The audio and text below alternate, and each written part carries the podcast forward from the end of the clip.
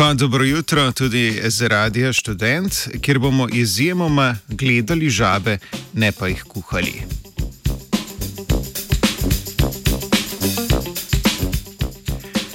Živali se plenilcem v naravi izogibajo na različne načine. Naprimer tako, da s kamuflažo posnemajo barve in vzorce iz okolja.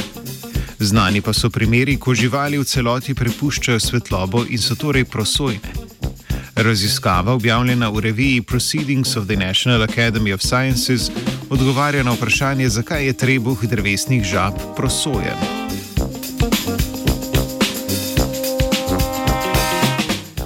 Prosojno telo, ki se slije z okoljem, je pogostejša oblika obrambe pred plenilci pri vodnih organizmih kot pa pri kopenskih.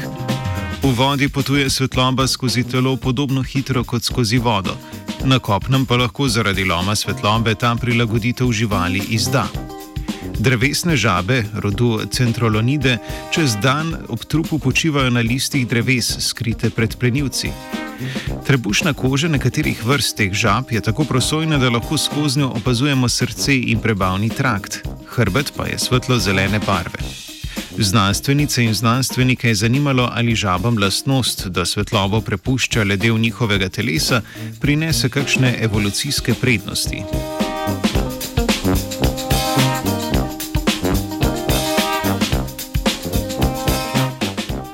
V prvem delu raziskave je raziskovalna skupina fotografirala pripadnice žab Temidas v francoski Gvajani in E. prosoblepon v Ekvadorju.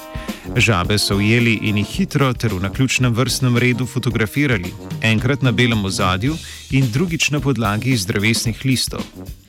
Na obeh lokacijah so posneli fotografije skupno 55 žab. Sledila je analiza fotografij, pri čemer so s štirimi računalniškimi modeli vida uvrednotili razlikovanje med žabo in ozadjem. Za modele so izbrali vid človeka in treh plenilcev. Vsi štirje računalniški modeli so brez težav detektirali barvni hrbet, prosojne noge pa so bile na ozadju iz listja teže zaznavne.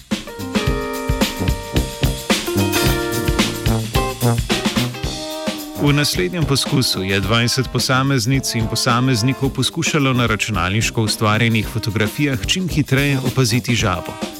Žabe na fotografijah so se med seboj razlikovale po prosojnosti različnih delov telesa.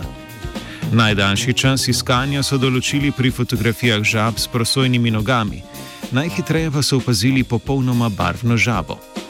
Eden izmed zaključkov raziskave je ta, da so ravno prosojne žabje noge tiste, ki drevesnim žabam omogočajo boljše zlitje z okolico, saj ob trupu zabrišajo oster rob med telesom in listjem.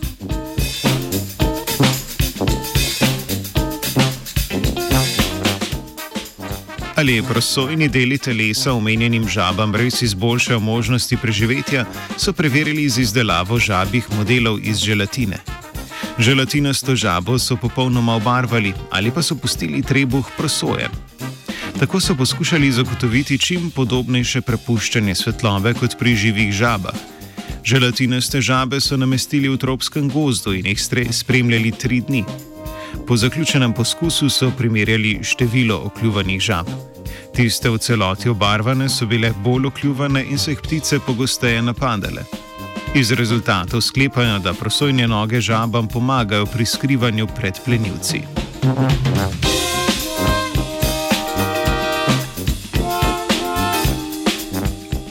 Tudi v naših gozdovih se z naravo zliva Klara.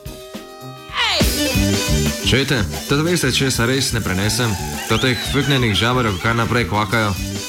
No, če tudi kvakajo, kvakajo dobro, na radiju študent.